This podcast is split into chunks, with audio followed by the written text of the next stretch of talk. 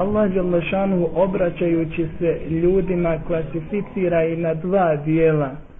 Kada su u pitanju Allahovi propisi, obraća se striktno vjernicima riječima Ja ejuhel levine amenu, ovi koji vjerujete. A kada su u pitanju Allahove općenitosti i ono što je dobro za sve ljude koji nastanuju ovu zemlju, Allah Đalešanu kaže Ja ejuhel nas, o ljudi.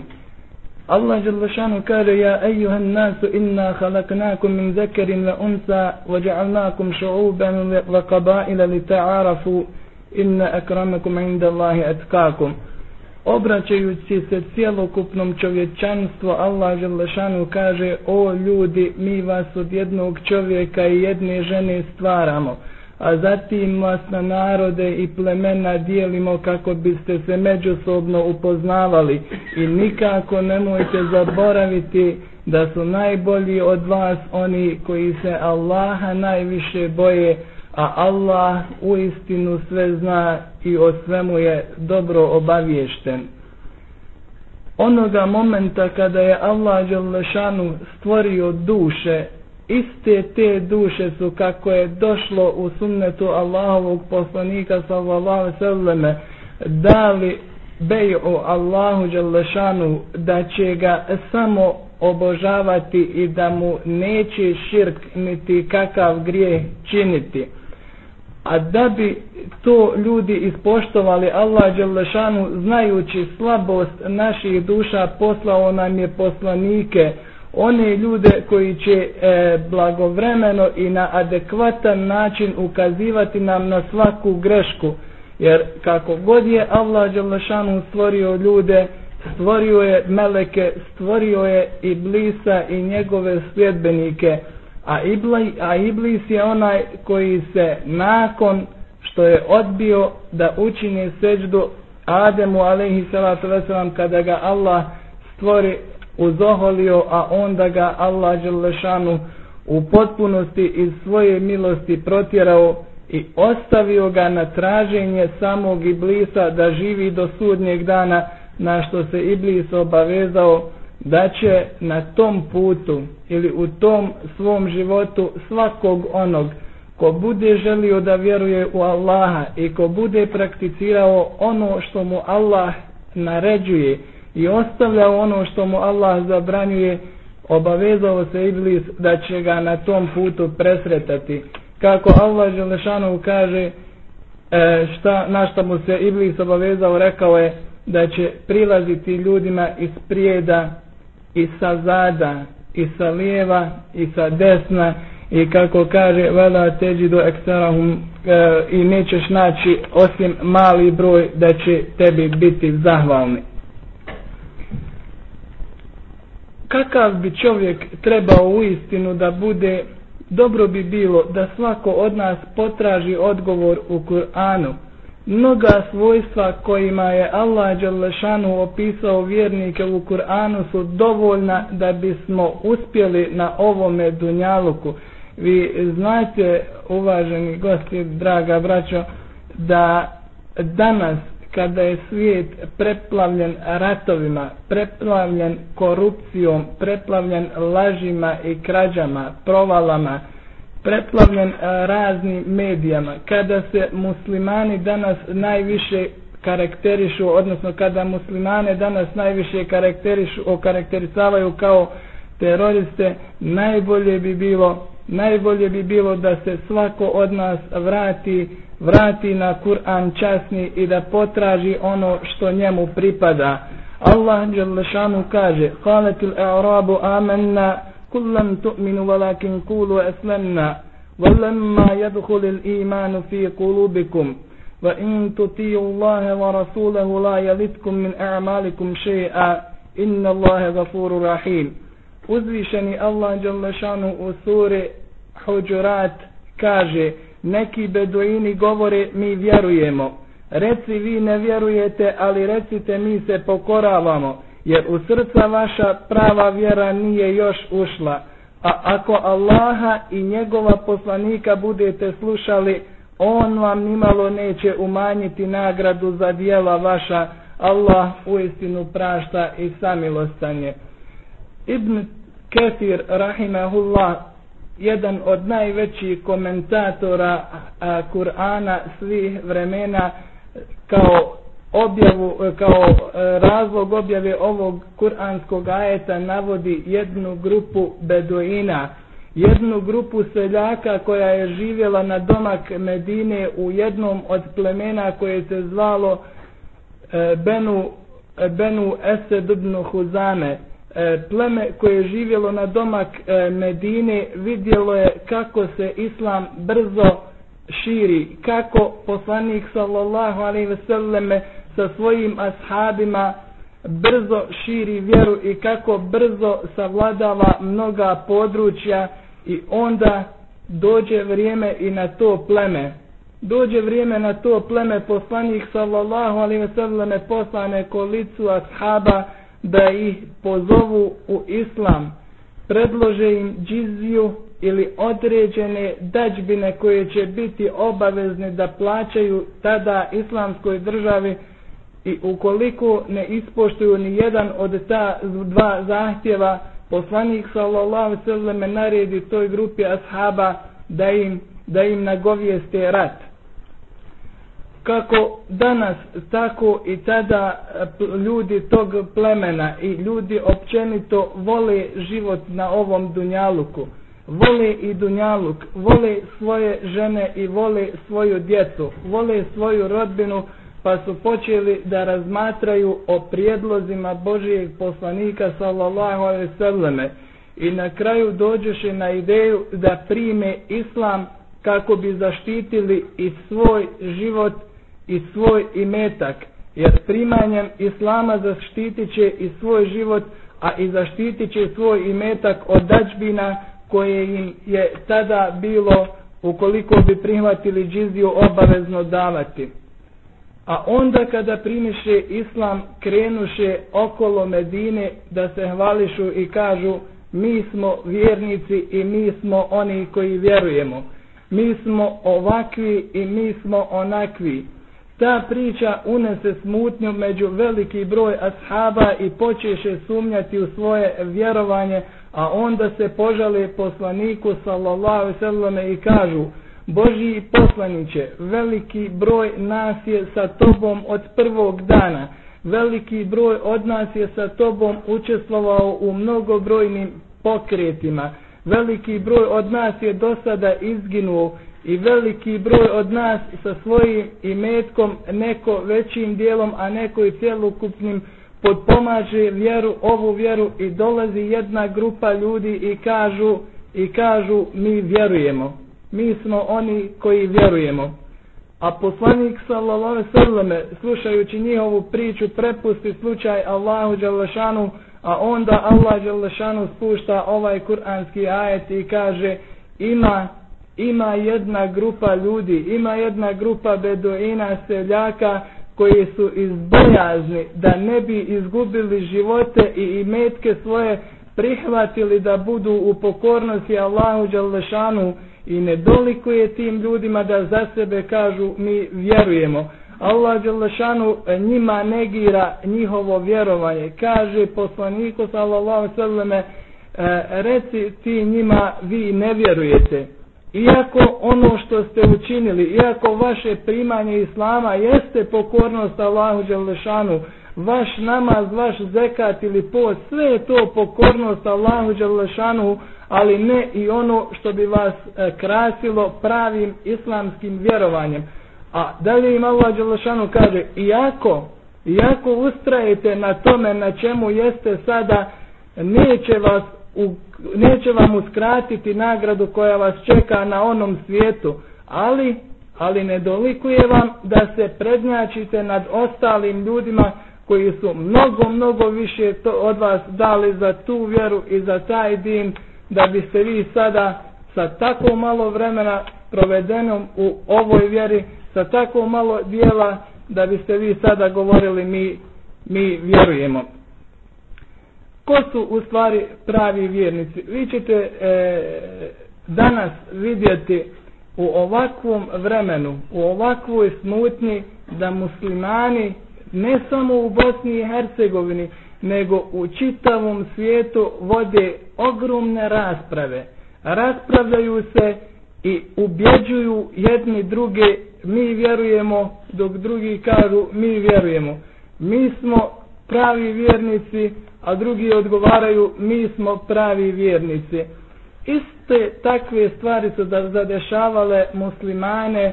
e, e, neki 600 godina nakon oslobađanja kuca, negdje 1028. godine isto stanje je zadesilo islamski ummet kao i nas danas. Tada su se ljudi rasparčali na mnoge grupe i prepirali su se jedni s drugima, toliko su se prepirali da je na kraju da je na kraju izazvalo međusobni sukob što su oni koji nisu prijateljski naslonjeni prema islamu i muslimanu i muslimanima iskoristili i tada 600 godina nakon oslobađanja kuca ponovno ga uzeli u svoje ruke. I ostao je kud sveto mjesto, treće sveto mjesto koje muslimani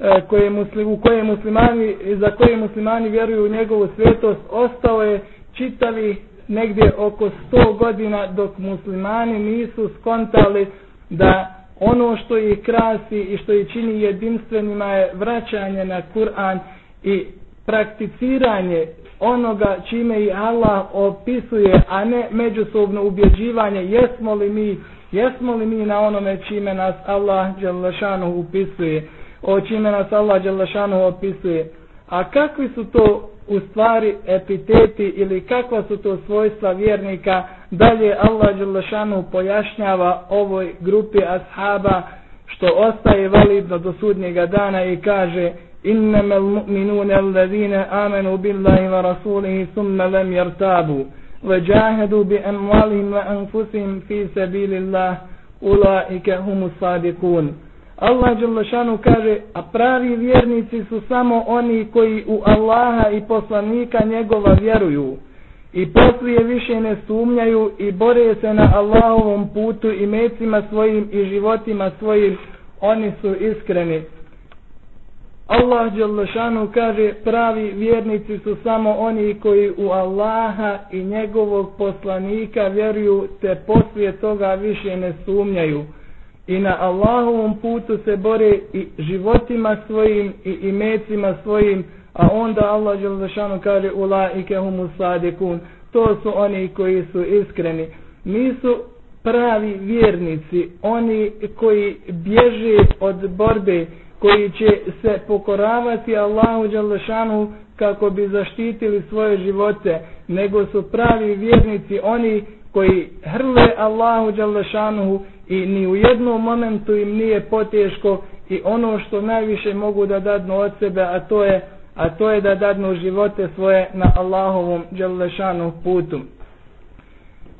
čista ubjeđivanja među muslimanima danas e, ja sam vjernik ili ti si vjernik? Ova jeste vjernik a onaj nije vjernik. Proizil, iz toga proizilazi samo mržnja i netrpeljivost među raznim populacijama muslimanskog življa. Opet kažem kako kod nas danas tako i u cjelokupnom islamskom svijetu koji se e, kako kažu prostire 20.000 km od istoka do zapada i 7.000 km od sjevera do juga. Ta ogromna površina na kojoj su danas velikom većinom naseljeni muslimani zastupljena je velikim međusobnim sukobima, velikom međusobnom netrpeljivošću, a Allah Đelešanu, a Allah Đelešanu nam još nekada davno je spuštajući ovu svetu knjigu pojasnio kakvi mi treba da budemo i nema potrebe da mi međusobno raspravljamo kako bismo jedni druge ubijedili ko je bolji. Inne ekramekum inda Allahi etkakum, najbolji od vas su oni, oni koji se najviše Boga boje. A poslanik sallallahu alaihi sallam kaže La farka bejna l'arabiji vel a'đemi illa bit takva Nema razlike između Arapa i ne Arapa osim, osim po, po bogobojaznošću. Ljudi se kod Allaha vrednuju samo po bogobojaznošću i onaj koga se više boji on je kod Allaha bolji. Onaj koga se više boji on se sve više odlikuje epitetima i svojstvima kojima ga, kojima ga sam uzvišeni Allah sam uzvišeni Allah Đelešanu opisuje. Allah Đelešanu kaže isto tako za svojstva vjernika innama almu'minuna alladhina idha dhukira Allahu wajilat qulubuhum. Pravi vjernici su samo oni koji kada se Allahovo dželešanu ime u njihovom prisustvu spomene njihova njihova srca se strahom ispune. E, primjetno je danas nažalost šeitan je i te kako prisutan među nama i primjetno je da kada nam god neko kaže rekao je Allah ili rekao je poslanik, e, svi smo opet spremni na raspravu i govorenje, a jesi li ti to dobro pročitao ili je li to što ti kažeš sahih, možda ti mene želiš da ubijediš ono što nije tačno, a ja opet mislim suprotno, a Allah Đalešanu kaže pravi vjernici su samo oni koji kada se Allahovo ime spomene, njihova srca se strahom ispune. وَإِذَا تُلِيَتْ عَلَيْهِمْ آيَاتُهُ زَادَتْهُمْ إِيمَانًا Dalje Allah Đalešanu kaže, nastavljajući uh, o, seriju ovih ajeta, kaže, a kada im se Allahovi ajeti, kada im se Allahovi znakovi govore, njihovo, njihov iman, njihovo vjerovanje, njihovo ubjeđenje u Allaha Đalešanu se sve više povećava i pravi vjernici su oni koji se, kako Allah Đalešanu kaže, na Allaha oslanjaju, koji Allaha za zaštitnika uzimaju, koji kada se nađu u kakvom manjem problemu ili većem, srednjem ili bilo kakvom, samo se na Allaha oslanjaju. Često smo, često smo, kada smo u velikim neprilikama, kada smo u velikoj bolesti, pokušavamo, pokušavamo da tražimo razno, razne lijekove i sve što nas više bolest eh, sah, eh, hvata, sve više tražimo doktora koji, ćemo, koji će nam pomoći i često zaboravljamo da su doktori jedino, jedino, ovo je jedan primjer iz naše danas medicine, da su doktori jedino samo razlogom Allahovog želešanu htjenja za čovjekovo liječenje. Posjećivanje doktora ili bilo koga za bilo kakvu pomoć treba da bude samo sa ubjeđenjem da će Allah Đalešanu kroz dotičnu osobu nama pomoći i to je svojstvo vjernika. E, kaže se tamo, e, odnosno Allah Đalešanu kada govori i o skupinama vojske, o skupinama koje se bore ne za Allahovo Đalešanu, za viđenje Allahovog Đalešanu lica, nego za neke dunjalučke interese, što kaže Allah Đalešanu, prepusti ih, prepusti ih same sebi, pa će pobjediti ona koja bude jača. Isto tako muslimani nikada ne smiju, ne smiju zanemariti uzimanje dunjalučkih, dunjalučkih razloga. Vi se sjećate, E, Merijem radijallahu anu kada je bila trudna, kada Allah Đelešanu joj govori je li na njenim porođajnim bolovima, pazite, zar ima težeg e, bola, zašto poslanik sa ozrlome kaže i žena koja umre na porodu je šehid, ima stepen šehida, neće, os, neće osjetiti kaburska iskušenja e, zbog ti jakih bolova koje pretrpi, a onda, a onda napusti ovaj, ovaj svijet. I Merijem radijallahu ta'ala anha dok je bila na tim porođajnim bolovima e, kaže joj Allah Đelešanu, ustani ustani i podrmaj palmino drvo pos, pospadat će ti svježe datule. E, zar nije Allah Đalešanu mogao poslati meleke koje su a, u našem pogledu bezbrojni koji je desetine hiljada, stotine hiljada i milioni Zar nije mogao poslati jednog godine i reći mu uberi te svježe datule, dostavi Merjemi i neka ona u tako teškom stanju, u tako teškom stanju neka se osvježi malo. Ne. Allah Đalešanu kaže Merjemi ustani i potresi palmu. Palmu koju bi danas kada bi se možda deset najjačih ljudi na zemlji sastalo da je potresu, ne bi je možda ni jednog milimetra potresli, a kako će jedna Merijem koja je na porođajnim bolovima da potrese palmu. Uzmi ono što je od dunjalučkog razloga i zamoli Allaha Đalešanu, zamoli Allaha Đalešanu da taj razlog urodi plodom. Dova će sigurno, odnosno oslanjanje na, na Allaha Đelešanu uzimajući taj dunjalučki razlog će sigurno uroditi plodom. Međutim, ubjeđenje, potpuno ubjeđenje u svoje mogućnosti ili mogućnosti drugih nerijetko ljude tjeraju na razočarenje. E, nije baš sve tako glatko, jer i Allah Đelešanu sam kaže e, kada se u potpunosti kada se u potpunosti izgubi nada u bilo čiju pomoć kao što je sa ljudima danas u avionu ili kako Allah Đelšanu navodi primjere sa ljudima na lađi, sa ljudima koji su na moru, kada u potpunosti izgubi nadu da im bilo ko može šta pomoći, onda se vraćaju Allahu Đalešanu. A kada ih, kako Allah Đalešanu kaže, e, kada se dočepaju kopna, onda se opet onda se opet vraćaju svojim starim stopama, zaboravljaju da je Allah Đalešanu samo onaj, samo onaj koji može koji može stanje da promijeni da se još samo nakratko vratimo na, na ove ajete. E, na početku sam vam, e, braćo draga, rekao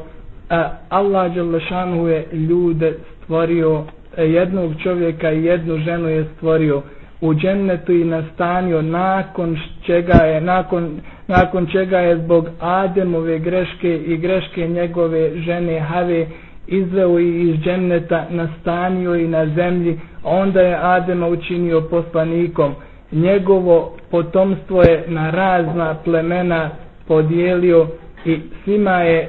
opominjače slao, svima je poslanike slao kako bi se ljudi čvrsto Allahovog užeta držali oni koji hoće, a oni koji neće, e, za njih se zna. E, ono što nas jeste danas interesuje jeste kako kako da se sačuvamo fitneta ili smutnje u kojoj živimo, kako da pomognemo sami sebi, kako da pomognemo svim ovim našim ljudima, svim muslimanima koji nas okružuju,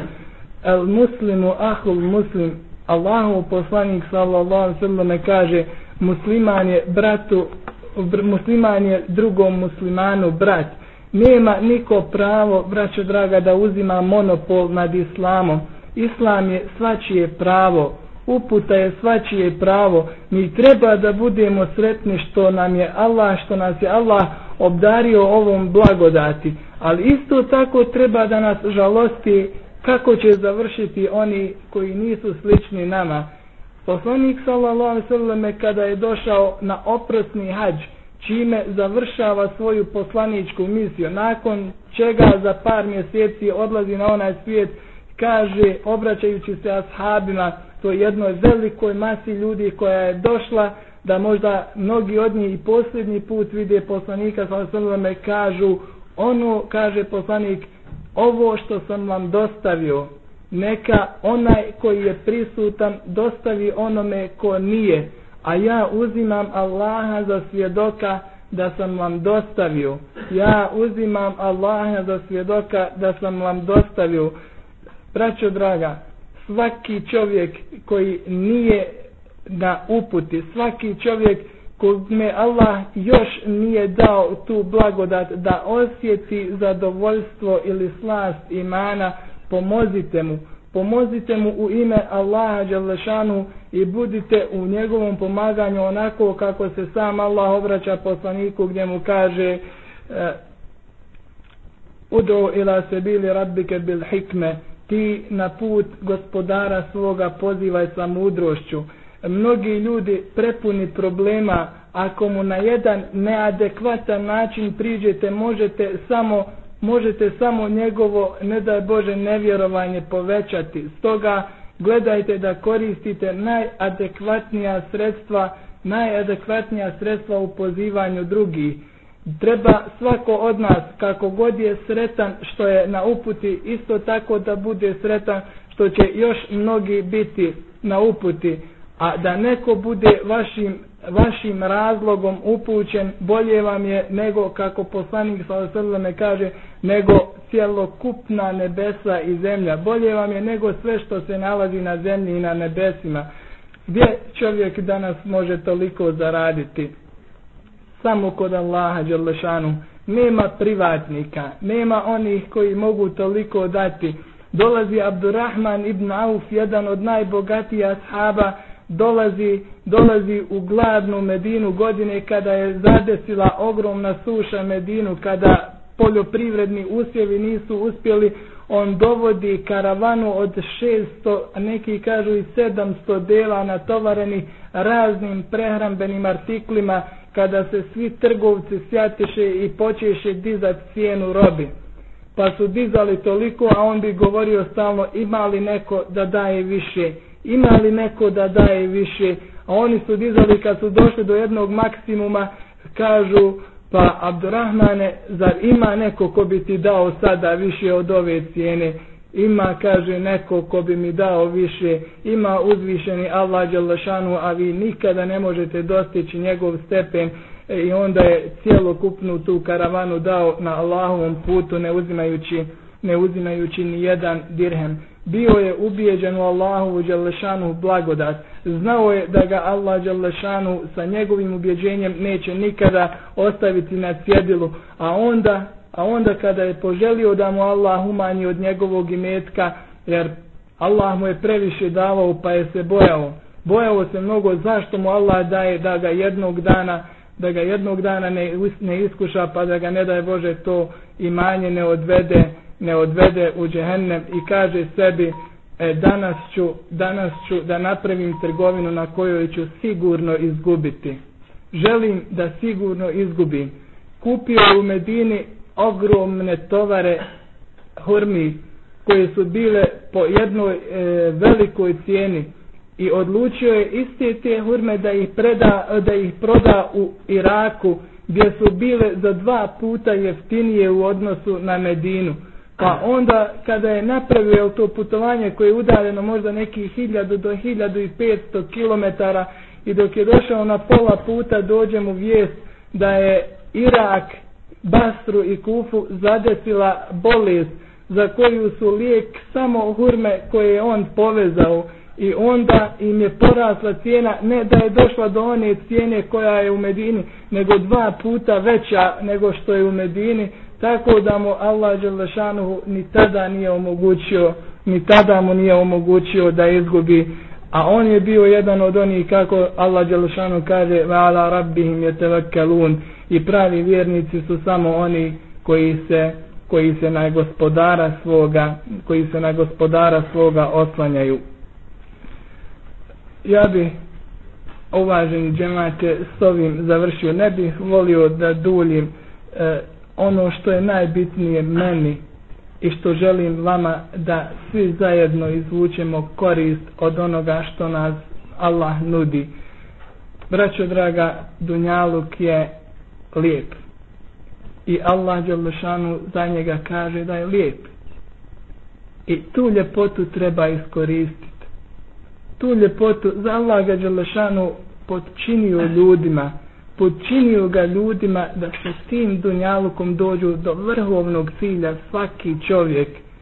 a to je viđenje Allaha Đalešanu. Zar ima veće časti od toga da se čovjek jednom sretne sa onim koga je stvorio, koga je od malih nogu pa sve do smrti odhranio, koji ga ni na jedan ni u jednom momentu nije prepustio, nije ga prepustio neugodnostima i ako ih bude sigurno bude zbog toga kako bi Allah Đalešanu vjerničkoj populaciji povećao njegovo mjesto u džennetu, a ne a ne da bi ga time kažnjavao. Istina je, istina je da iskušenje nekada zna biti i kazna još na dunjaluku, ali kada pogledate čovjeka, znaćete vi je li njemu iskušenje kazna, kazna ili nešto što će mu povećati mjesto u džennetu e, dolazi jedan čovjek jednom od islamskih učenjaka koji je dobro poznavao osnove pa mu kaže sanjao sam, sanjao sam da uči mezan. On mu kaže gledajući njega jel, gledajući ga kao figuru kaže otićeš na hađ. I stvarno čovjek je otišao na hađ. Proširila se ta vijest i dolazi drugi čovjek kaže istom tom alimu sanjao sam da uči mezan. I on ga gleda i kaže i kaže tebi će odsjeći ruku zbog krađe Znate, on je bio čovjek koji je bavio se e, lopovlucima, krao je i u istinu su mu ocijekli ruku zbog toga što su ga uhvatili za krađu. Znate, isto tako, kada iskušenje pogodi čovjeka, shodno čovjekovoj pojavi ili shodno njegovim dijelima, znaćemo je li, je li iskušenje kazna ili je iskušenje opet nagrada a poslanik sallallahu alejhi ve selleme kaže onoga čovjeka ko vjeruje onog čovjeka koji vjeruje u Allaha ne može zadesiti zlo. Za njega nema zla. Kada ga pogodi kakvo dobro poslanik sallallahu alejhi ve selleme kaže zahvali Allahu dželle i onda ovaj mu bude dobro. A kada ga pogodi kakvo zlo on vjeruje da je to iskušenje od Allaha dželle i zahvali Allahu na iskušenjima što mu ponovno donosi dobro i kako poslanik sa osnovno kaže i tako vjernik nije nikada na gubitku. Poslanik sallallahu alaihi sallam je imao mnogih iskušenja i nema sumnje i nema sumnje da je bio najbolje stvorenje koje je, na zem, koje je boravilo na zemlji ali je opet bio iskušavan. Samo bi još jedan primjer da navedem Božijeg poslanika kako, kako, da mi, kako da mi savladavamo ta iskušenja. Vi znate, draga braćo, kada se pojavila deseta godina po poslanstvu Božijeg poslanika sa osoleme, kada se žestina Kurejšija i njihovo nevjerstvo e, sve više na, nadvila nad ashabima i Božijim poslanikom, onda Allah Đelešanu uzima Božijem poslaniku njegovog, e, njegovog najvećeg moralnog štićenika, a to je njegovog amiđu Ebu Taliba. U istoj toj godini Allah Đelešanu sa ovog svijeta uzima mu i njemu najdražu osobu do sada, a to je njegovu ženu Hatidžu radi Allahu ta'ala anha i poslanik sallallahu alejhi ve sellem svjestan onoga šta je izgubio i svjestan onoga u čemu se nalazi odluči da krene sa svojim slugom u jedno mjesto koje se nalazilo u blizini Taifa u blizini Mekke to je Taif da posjeti svoju rodbinu gore i stanovništvo tog mjesta i da ih pozove u islam. Kada je došao gore kada im je predoćio, pazite, sam dolazak u mjesto Taif je mjesto koje je visoke nadmorske visine i sama gole stijene, te mekanske vrućine, te pustinske vrućine i prevaliti takav put u dužini od nekih do 100 km su bili veliki napor za poslanika sallallahu alim sallam. A onda ono što ga zadesi na tome, odnosno u tome mjestu jeste da su se ti stanovnici sakupili, odnosno sakupili su sve luđake tog mjesta, sakupili su svu djecu tog mjesta i onda su i nagovorili da zakamenjaju Božijeg poslanika sallallahu alaihi ve selleme, što oni i učiniše. A onda je poslanik sallallahu alaihi ve bježeći od te napasti ostavljao krvav trag iz, iz svojih nogu, ostavljao je krvav trag iz svojih nogu i kada se udalio od tog mjesta okreni se pun žalosti znajući šta je ostavio u Mekki znajući šta ga u tom periodu zadesilo okreni se prema tom mjestu i gleda dragi Bože šta da činim. A onda mu dolazi melek melek brda i kaže Boži poslaniće mene uzvišeni Allah Đalešanu šalje šalje me da ova dva brda koja ti vidiš sastavim i nestaće zauvijek tog mjesta ako želiš. A onda mu poslanik sallallahu alejhi ve odgovara nemoj nemoj le allallahi yukhriju min aslabihim man ya'budu min ba'di. Nemoj možda će Allah jednog dana iz njihovih kičmi izvesti narod izvesti narod koji će koji će nekada jednog dana njega obožavati. Gledajte, draga vraćo, kako je poslanik sallallahu alaihi sallam praštao ljudima. Kako se poslanik sallallahu alaihi sallam su osjećao sa problemima ljudi. Vraćo, draga, nama danas dođe neko, upozori nas na grešku, ili pokuša da nas navrati na nekako dobro, a mi ga prihvatimo kao neprijatelja. I odma dođe do određenih sukoba. Nama to, braćo draga, ne treba. لقد كان لكم في رسول الله osvetun حسنة vi zaista u svome poslaniku imate divan primjer. Pokušajte, draga braćo, koliko god ste u mogućnosti da slijedite Božijeg poslanika i da pokušavate iščitavajući njegov životopis vadite i da iščitavajući njegov životopis pokušavate sebi vaditi metode njegovog daveta, metode njegovog pristupa ljudima, jer poslanik sallallahu alejhi kada bi god pokušao da priđe ljudima, ukoliko bi bila greška, mala greška, Allah Đelešanu bi ga upozoravao, odmah bi ga upozoravao zbog čega je nerijetko, odnosno zbog čega je ponekada Allah Đelešanu ispuštao određene ajete. Jedne prilike Božiji poslanik sallallahu sallam pokušavajući da pridobije jednog čovjeka, jednog uglednog kurešiju, jednog bogatog čovjeka nadajući se da će njegovo bogatstvo i njegov ugled doprinijeti jačini Islama u tom momentu mu prilazi jedan slijepi čovjek pa ga upita nešto o islamu, upita ga nešto o onome o čemu sam poslanik govori, a poslanik kad pogleda i okreni mu glavu, nastavi dalje da priča sa ovim čovjekom, a onda Allah Đelešanu ga kori zbog toga. Zašto si se namrštio kada ti je slijepac prišao. Šta ti znaš, možda čovjek želi da se očisti, šta ti znaš ko ti tvoje je da opominješ, jer kako Allah Đelšan kaže fe zekir fe inne zikra tenfa ul mu'minin, ti opominji, ti samo opominja, opomena će koristiti onome ko hoće da vjeruje.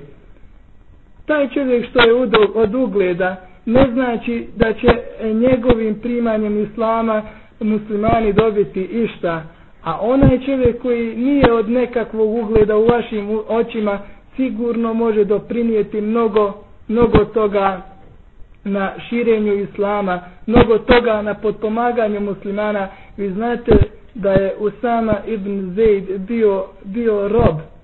a onda, a onda ga poslanik sallallahu sallam učini vojskovođom, čovjekom koji je od 18 godina poveo jedno od najvećih muslimanskih vojski. Nije poslanik sallallahu sallam doživio da ta vojska krene A onda kada je on završio svoju poslaničku misiju, kada je završio svoj život, njegovim stopama je krenuo i Ebu Bekr. A Omer mu kaže, Ebu Bekre, možda bi dobro bilo da smijeniš u samu, jer ljudi nekako ne gledaju na njega baš, ne gledaju na njega baš najbolje, jer e, znaš njegovu prošlost a Ebu Bekr radijallahu anhu odgovara, e, odgovara Omeru i kaže Omere tako mi Allaha neću nikada smijeniti nekoga koga je poslanik sallallahu sallam postavio, postavio za vođu. I na kraju samo još da kažem kuranski ajet gdje Allah Đalešanu kaže إنما المؤمنون إخوة فأصلحوا fa aslihu واتقوا الله Allah Đelešanu kaže vjernici su braća. Zaista su vjernici braća. I poboljšajte stanje između dva brata. Nije, nije nemoguće nije nemoguće da se sukobe dva čovjeka, dva muslimana. Naša obaveza je da poboljšamo njihove odnose, a ne da se stavljamo na jednu ili drugu stranu. I bojte se Allaha. Allah u istinu mnogo prašta i, i samilostan je. E, molim uzvišenog Allaha Đalešanu da primi i od mene i od vas svaki naš ibadet, da nas učine njegovim iskrenim robovima, da nas sačuva iskušenja koje nećemo moći podnijeti i da nam, kako vjernici kažu, e, dadne dadne dobro u našim porodicama, da nam dadne hajrli žene da nam dadne hajirli djecu i da nas učine kako Allah Đelšanu kaže već alna lil muttaqine imama i da nas učine od one skupine da nas učine onom skupinom koja će biti ogledalo drugim ljudima a ne a ne da nas učine onima od kojih će drugi ljudi okretati glave a mi zasigurno imamo bi iznillahi ta'ala najveće pravo na to أقول قولي هذا أستغفر الله لي ولكم ولسائر المسلمين من كل ذنب فاستغفروه إنه هو الغفور الرحيم